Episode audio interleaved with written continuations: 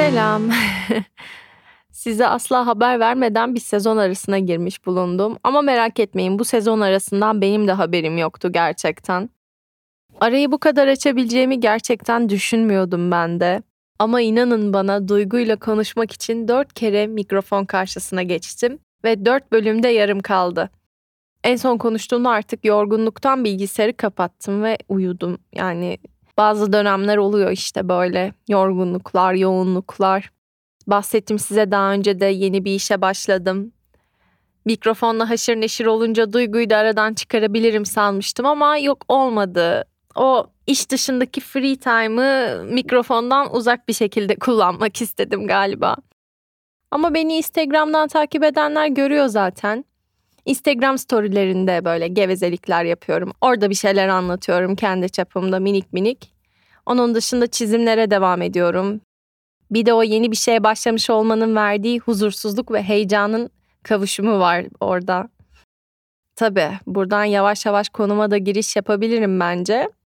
Burada böyle mikrofonun karşısına konuşmak benim için hem çok konforlu bir şey hem de aslında bir o kadar konforsuz bir şey. Konforlu olan bir şey üretmemek, kapatmak, açıp işte Netflix'ten bir şeyler izlemek, öyle yaşamak, gitmek.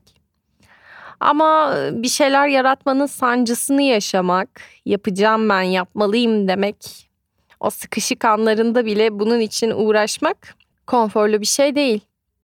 Ben neden konfor alanımdan çıkıp duruyorum? Ben neden mesela bana kaygı vermesine rağmen Instagram storylerinde sesimi çıkarıyorum, konuşuyorum, bir şeyler anlatmaya çalışıyorum? Düşünmüyor muyum acaba hiç orada bir yerde beni içten içe eleştiren birileri olacak, benimle dalga geçen birileri olacak diye? Tabii ki. Ama onları birazcık daha kenara bırakmaya çalıştığım ve özellikle bunun üzerine çalıştığım bir dönemdeyim. İnsanlar ne der demek aslında müthiş bir iç kritik. İç kritik dediğimiz şey senin kendi iç dünyanda, iç sesinle kendine yaptığın eleştiri. Kendi eleştirel sesin aslında. Ve o sana ait bir şey değil. Mesela hep diyoruz ya kendimize ben yeterli değilim, ben becerikli değilim, ben hiç güzel şarkı söyleyemem. Aa bak iğrenç çizdin, çok kötü oldu, çok berbat konuşuyorsun. Diksiyonun berbat bilmem ne. Ama aslında o seslerin çoğu dışarıya ait. Ve o seslerin çoğuyla kendimizi acımasızca eleştiriyoruz zaten.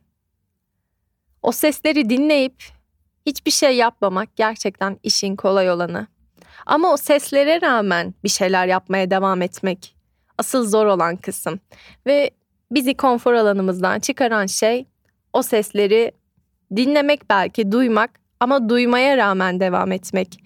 Yani kulak tıkamanın eskiden doğru bir çözüm olduğunu düşünüyordum. O iç sese kendini kapatmanın doğru bir çözüm olduğuna inanıyordum. Ama artık bu konudaki fikirlerim tamamen değişti ve şuna inanıyorum. O iç sesi bir dinleyeyim, bir anlamaya çalışayım. Neden bana bunu söylüyor? O sesin arkasındaki yatan sebep ne? Ve onu bana aslında kim söylemiş? Çünkü insanın kendi özünden böyle eleştirel, böyle acımasız sesler çıkmıyormuş kardeşim ya. Kendine karşı bir yerlerde eleştirel olduysan ki çoğumuz bunu illaki yaşıyoruzdur.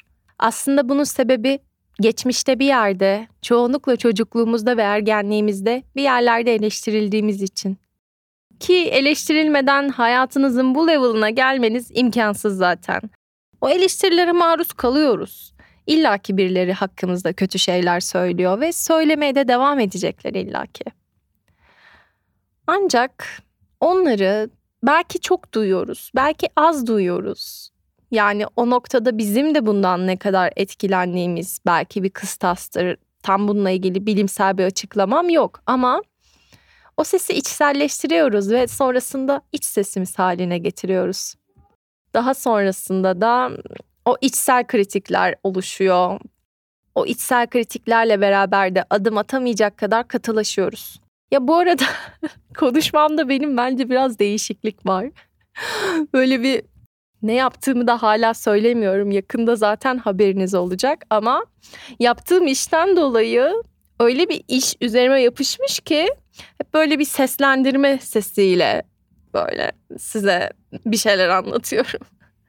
o eski normal İrem'in doğal tonu yok gibi. Bak Yine kendimi eleştirdim. Geçenlerde annem bana Siri'ye benziyor konuşman dedi. Ona yaptığım işleri birazcık dinlettim de. Çok robotik konuşuyorsun. Biraz duygu kat bu işin içine dedi. Dedim zaten duygu var bunun için. Ay şaka yapıyorum. Yani onu bile oradan almışım galiba da şu anda bu içsel diyaloğu kendi kendime dışarı aktarıyorum. ne diyordum? Yine böyle çay sohbetine döndü. Ben zaten arkadaşlarımla konuşurken de ne söylediğimi çabucak unutabilen bir insanım. Yine unuttum. Ha, içsel kritik diyordum. Şimdi kendimce şöyle bir tartışma yapmak istiyorum. Acaba içsel kritiği dinleyip ona hiçbir şey yapmamak, adım atmak istediğin şeye karşı adım atmamak bir konfor alanı mıdır? Evet, belki bir konfor alanı olabilir. Çünkü risk almıyor oluyorsun. Yeni bir şeylere başlamıyor oluyorsun. Bu arada arkadan annemin sesi gelirse kusura bakmayın. Annemi sus anne diye bağırmak istemiyorum. Kedileri seviyor. Her neyse benle de konuşuyor. Yemediler annem ama. Belki buraları kesmem kendi kendine kalır. Öyle de bir podcast formatı. Çünkü zaten tanımsal olarak da baktığımızda konfor alanı dediğimiz şey risk almadığın, belki kendini dışsal tehditlere karşı kapattığın, evin, yuvan öyle bir yer. Yani kendini ponçik ponçik hissediyorsun orada. Böyle tatlı tatlı, nazik nazik. Aman canım yanmasın, aman ağzımızın tadı kaçmasın Ali Rıza Bey tarzı bir alan orası. Ve o alanda da hali hazırda kendine sürekli ponçik ponçik davrandığın için, sürekli kendine karşı nezaketli nezaketli davrandığın için kendini zorlamıyorsun hiçbir şey için. Ama hiçbir şey için. Ama nerede kendini böyle yeni bir şey atıyorsun, risk alıyorsun, korkuyorsun belki bunu yaparken, dizlerin titriyor. Ya da ne bileyim anksiyete yaşıyorsun belki benim gibi. ya da işte farklı bir şeyler deniyorsun ağrı çekiyorsun belki, acı çekiyorsun. O noktada konfor alanından çıkacak şeyler yapmaya başlıyorsun. Yani mesela çok klişe bir örnek olacak. 5 kilo ağırlıkla spor yapmak çok kolaydır. Ha belki 5 kilo ağırlıklı da kaslarını geliştirebilirsin ama 5 kilo ağırlıkla yol alman gerçekten çok zor. Hatta yani bir süre sonra gerçekten yol almıyor oluyorsun. Ama sen kendini sürekli denersen, o 5 kilo olursa 10 kilo, sonra 20 kilo, sonra 30 kilo, 50 kilo. Aslında orada hep bir kas gelişimi var, hep bir gelişim var. Kendini her seferinde denemek, kendini her seferinde zorlamak, uğraşmak, böyle bir şeylere karşı push etmek. İşte seni konfor alanından çıkaran şey o. Ve gerçekten gelişim de o noktada oluyor. Yani bu böyle bir sürü insan tarafından, bir sürü psikolog, bir sürü podcaster tarafından söylenmiş bir söz zaten. Bir kere de ben söyleyeyim canım ne olacak? O konfor alanından çıkacaksın bir kere. Kendini yeni şeylere zorlayacaksın. Push edeceksin. Ama bunu bir de gelin duyguca konuşalım. Çünkü biliyorsunuz ben bir kişisel gelişim podcast'te değilim bence. Ki kendi gardıma yakışmayan şeyler de söylüyorum. Neden bunu söyledim? Çünkü şuna inanıyorum. Konfor alanından çıkmak dediğimiz şey bir o kadar kıymetli olsa da aslında hayatı survival modda, hayatta kalma modunda yaşamayan insanlara göre bir şey.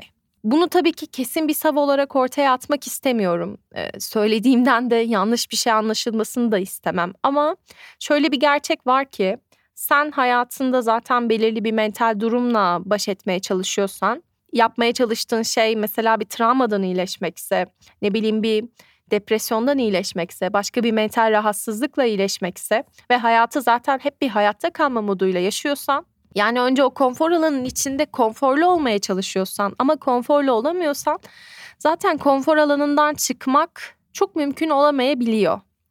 Yani bence bu tarz söylemler herkese söylenmemeli. Ya çünkü öyle olunca da ne bileyim mesela sen bir depresyonla baş etmeye çalışıyorsun, iyileşmeye çalışıyorsun ama gelgitli yaşıyorsun.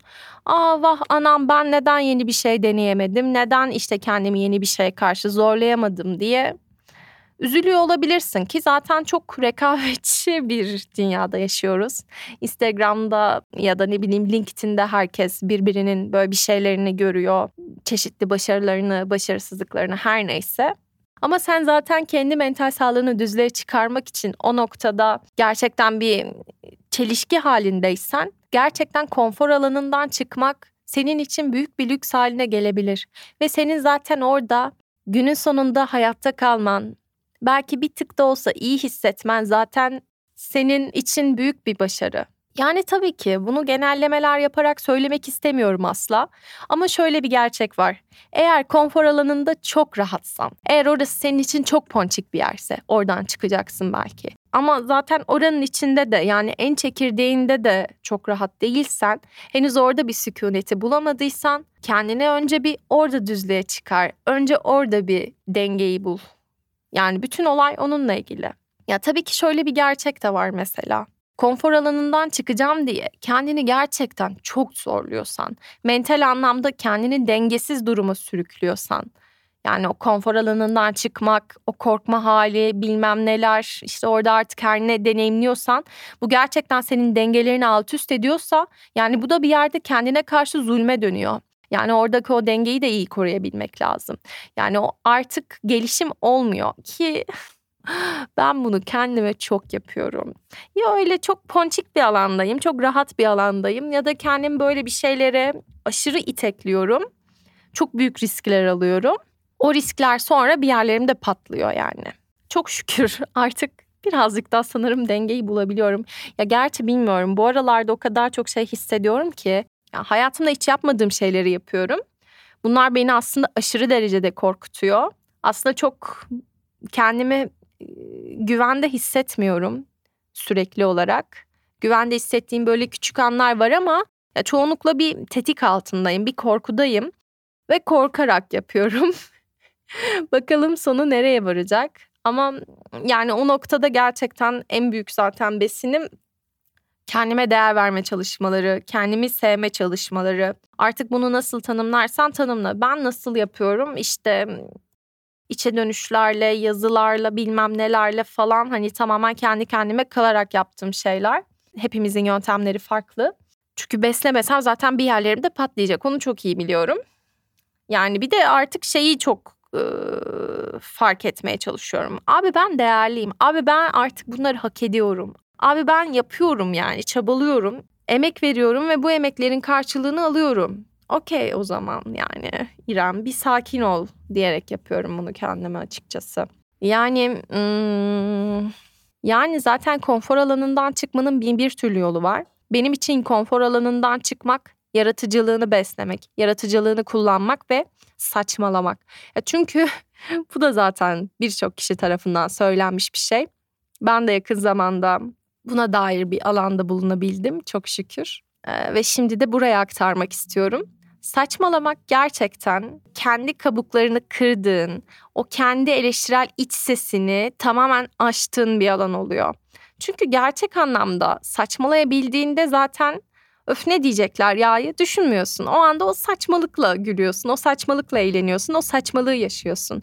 Ve gerçek yaratıcı işlerde hep o saçmalıklardan ortaya çıkmış. Yani kendi saçmalıklarımıza izin vermemiz gerekiyor çok ciddi bir şekilde. Yani saçmalamamıza o kadar çok ket vuruyoruz ki hayatımızda ki ben de buna çok fazla ket vuruyordum. Çünkü çocukken aşırı saçmalayan bir insandım. Saçmalamayı çok seviyordum. Ve saçmalandığım için tabii ki eleştiriliyordum. Sonra bunu bıraktım, küstüm. Burası da benim için bir saçma alanıdır arkadaşlar. O nedenle de saçmalayabildiğimiz, kendimizi özgür hissettiğimiz alanlar açmak da zaten bir o kadar kıymetli. O alanla beraber yeni şeyler de geliştirebilmeye başlıyorsun zaten. Bununla ilgili bir iki şeyden bahsetmek istiyorum. Birincisini çok yeni keşfettim. İkincisini iki buçuk senedir yapıyorum. Cibriş. Esenek sana kanassanena aseleman sanemala kısamana kısaman sine hasem hasebadata. Ta. Cibriş dediğimiz şey tamamen uydurmaca bir dille, kendin bile anlamadığın bir dille konuşma sanatı. Sanat demek doğru olur mu bilmiyorum ama tamamen içinden o an ne geliyorsa, o sesler nasıl çıkıyorsa ağzından ona izin vermek ve rastgele konuşmak. Bunu böyle karşılıklı birisiyle de yapabilirsiniz. Tek başınıza da yapabilirsiniz. Hatta böyle bunun meditasyonu da var. Cibriş meditasyonu olarak geçiyor. Şimdi aslında konuşmak dediğimiz şey insanın beyninde zihinle özdeşleştirilen bir yer. Yani zihnimizi kullanarak konuşuyoruz. Ama Cibriş'le konuştuğumuz zaman zihni birazcık devre dışı bırakarak konuşuyoruz. Ve o devre dışı bırakmakla aslında daha önce kullanmadığın bağlantıları kullanabilmeye başlıyorsun ve saçmalayabiliyorsun. Evet. Cibriş bize bunu sağlıyor. Ben açıkçası Cibriş'i çok sevdim. Bundan sonra duygu yoklamasına Cibrişçe devam etmeyi düşünüyorum. Ne dersiniz? Dinlenme sayılarım bir anda sıfıra düşermiş. Ki düşer zaten. Ama gerçekten Cibriş'i çok sevdim. Kendi kendime de uygulamaya başladım açıkçası. Ee, tavsiye vermek pek şeyim değildir bilirsiniz ama gerçekten cibriş yapın arkadaşlar. Cibriş yapalım. Artık şu zihinleri bir bırakıp ne akıyorsa ne geliyorsa öyle davranalım yani diyorum bazen. İkincisi de sabah sayfaları. Daha önce belki çok kısaca bahsetmişimdir burada. Sabah sayfaları dediğimiz şey aslında sabah kalktığında hiçbir şeyle muhatap olmadan de bir yanındaki defteri alıp iki sayfa, üç sayfa yazdığın şey. Şimdi orada önemli olan şey aklından ne geçiyorsa hiçbir şekilde filtrelemeden, ayırt etmeden yazmak. Yani o an mesela aklıma hiçbir şey gelmiyor mu? Aklıma hiçbir şey gelmiyor yazacaksın mesela iki sayfa. Ya da mesela işte ben çoğunlukla yazarım. Ah rüyamda şunu gördüm. Of susadım. Of işte kediler böyle yapıyor. Of işte annem şöyle. İşte sonra aslında orada şey görmeye başlıyorsun. Zihnin paternlerini. Zihin ne kadar çok patern üretiyor. Yani bir düşünceden ne kadar çok farklı düşünce görüyor. Yani birazcık bu kağıt üstünde düşünmek gibi aslında sabah sayfaları dediğimiz şey. Yani Julia Cameron var işte Sanatçının Yolu kitabında geçen bir egzersiz bu. Ben de o kitabı bitirmedim hala. Çünkü çok uzun soluklu bir kitap. 12 hafta boyunca egzersizler yapıyorsun. Ben birinci haftasında takılı kaldım. Ama sabah sayfalarını zaten kitabın başında böyle hayat boyu yapmamızı önermişti. Ben yani iki buçuk yıldır yapıyorum. Her sabah olarak böyle arada küçük aralar verdiğim olsa da bayağıdır devam ediyorum yani. Aslında sabah kalktığında o zihnin çöplüğünü oraya boşaltıp daha saf bir kafayla güne başlamanın yolu olarak öneriliyor. Ve yaratıcılığı da gerçekten beslediği düşünülüyor. Bence de besliyor. Ben şuna inanıyorum bir de. Sabah sayfalarında gerçek anlamda saçmalama özgürlüğüne sahipsin. Oraya istediğin her şeyi yazabilirsin ama istediğin her şeyi yazabilirsin. Bu arada geri dönüp okumuyorsun oraya yazdıklarını. Ben arada böyle çok ne bileyim kullanabileceğim şeyler yazıyorum. Sonra geri dönüp bakıyorum. Tabii ki ondan bir zarar gelmez ama hani dönüp öf ben ne yazmışım, öf ben ne saçmalamışım diye bakmıyorsun. O senin aslında bir yerde zihin çöplüğün. O nedenle o zihin çöplüğüne atacağın şeyler istediğin her şey olabilir. Hiçbir sınırı, ucu bucağı yok. İşte tek şart kalemi kağıttan kaldırmamak, akıcı bir şekilde yazmak. Tabii ki bunu ben de yapamıyorum. Bazen böyle bir şey oluyor. Ne bileyim iki dakika Instagram'a giriyorum sonra geri dönüyorum falan ya da tuvalete falan gidiyorum. Ama ım, önerilen şey kalemi hiç kağıttan ayırmadan yazmak ve tamamen ne geliyorsa onu yazmak. Ee, gerçekten orada saçmalamakta özgürsünüz. O nedenle sabah sayfalarında ben şiddetle öneriyorum. Bu arada Julia Cameron 3 sayfa yazmayı salık vermiş. Yani salık vermiş demek doğru olur mu bilmiyorum ama ben 2 sayfaya oturttum. 2 sayfa alıştım. Yani 3 sayfaya çıkaramıyorum mesela. Yani yapamıyorum olmuyor. ne yapayım yani? Kendinize göre bence bu tarz şeyleri ayarlayabilirsiniz ama bence bir sayfada yazmayın. Yani iki sayfa belki olabilir. yani konfor alanı diyordum. Saçmalamaya geldi konu. İşte ne güzel saçmaladığın yerde konfor alanından çıkıyorsun zaten ya. Konu gerçekten böyle bir anda zaten bir sabah sayfasında çıktı geldi bana. Çünkü gerçek anlamda konfor alanımdan çıkmayı pratik ettiğim bir dönemdeyim. Ama tabii ki sadece konfor alanından çıkmak demek bir şeyler üretmek anlamına gelmiyor. Başka bir senle de yüzleşmek anlamına geliyor. Çünkü o anda belki korkan, belki farklı duygular yaşayan bir senle karşılaşıyorsun. Orada ne yaptığınla belki karşılaşıyorsun ve o ne yaptığını gözlemlediğin zaman kendini böyle ne bileyim başka bir yerden tanımaya başlıyorsun. İşte sağ kulağını sol elinle kafanın üstünden dolaştırarak tutuyorsun mesela. Orada başka kanalları kullanıyorsun. Ya da ne bileyim işte seni çok heyecanlandıran bir şey yapıyorsun ama böyle gerginlik anlamında sahneye çıkmak gibi. Bu arada hayallerimden birisidir bu. Yakın zamanda yapmak istiyorum. İnşallah bunu yapabilecek cesareti gösteririm. Şöyle bir çıkıp güzelce rezil olmak istiyorum. Gerçekten buna çok ihtiyacım var. Aslında şey oluyor. Bir şekilde onun içinden geçiyorsun. Bir şekilde onun üstesinden geliyorsun ve diyorsun ki okey tamam bunu yapabiliyormuşum. Ya da yapamıyormuşsun. Yani mesela görüyorsun bunun dünyanın sonu olmadığını. Yani her şekilde bir kazanımı var sanki. Win-win. ya mesela şöyle örnekler de var. Aslında yeteneklisin. Ona hevesin de var, yapıyorsun falan. Ama onu göstermeye çok çekiniyorsun. Aşırı çekiniyorsun. Ve ona çekinmekten bir anlığına da olsa vazgeçip onu ortaya koyduğunda mesela şarkı söylemekten çok korkan bir insanın bir topluluk içinde, arkadaş grubu içinde bir anda şarkı söylediğini örnek verelim. Aslında görüyor orada işte güzel bir sesi olduğunu ve şarkı söylemekten keyif almayı deneyimliyor belki. Ve orada aslında yeni bir kabuk kırmış oluyor. Ve yeni bir şey giriyor belki de hayatına orada. Ondan sonra hep şarkı söylemeye başlıyor. Böyle örnekler de var. Yani konfor alanından çıkmanın bin bir türlü hali vardır arkadaşlar. Ve gerçekten de hayatın akışı orada gelmeye başlıyor sanki. Sen gerçekten risk alıp bir şeyler yapabildiğin zaman, onu yapabiliyor muyum, yapamıyor muyum, onunla yüzleştiğin zaman yani o adımları atmak gerekiyor. Eğer atabilecek haldeysen. Abi konfor alanından çık çık çık diyorlar ama neden bu kadar zor bir şey? Şu anda birleştirdim parçaları. Irving Yalom'un Aşkın Celladı'nda okuduğum bir pasaj geldi aklıma. Aslında çok alakalı değil ama yine de okumak istiyorum. Özgürlüğün bizim yalnızca yaşam seçimlerimizin sorumluluğunu üstlenmemizi gerektirmekle kalmadığından aynı zamanda da bir irade ortaya koymamız gerektiğinden, özellikle değişmek için bir irade ortaya koymamız gerektiğinden bahseder. Yani konfor alanından çıkmak da aslında bir seçim. Yani aslında bir özgürlük ve özgürlükle beraber aslında bir sorumluluk almış oluyoruz. Yeni şeylere, belki bilinmezlere, kaygı vericiliklere ya da ne bileyim o gelişime, değişime e, tabii ki orada kendini o zorlama halinde bir irade de var. Bunlar zor şeyler tabii ki. O sorumluluk almak, risk almak, ona irade göstermek. Yani sanırım bundan gerçekten çok zorlanıyorsam önce bu kavramlara bakmam lazım hayatımda. Ki benim zaten en çok zorlandığım kavramlardı. Sorumluluk almak ve iradeli olmak. Böyle aşmaya çalışıyorum teker teker. Bölümü kapatmadan önce şöyle bir şeyden bahsetmek istiyorum.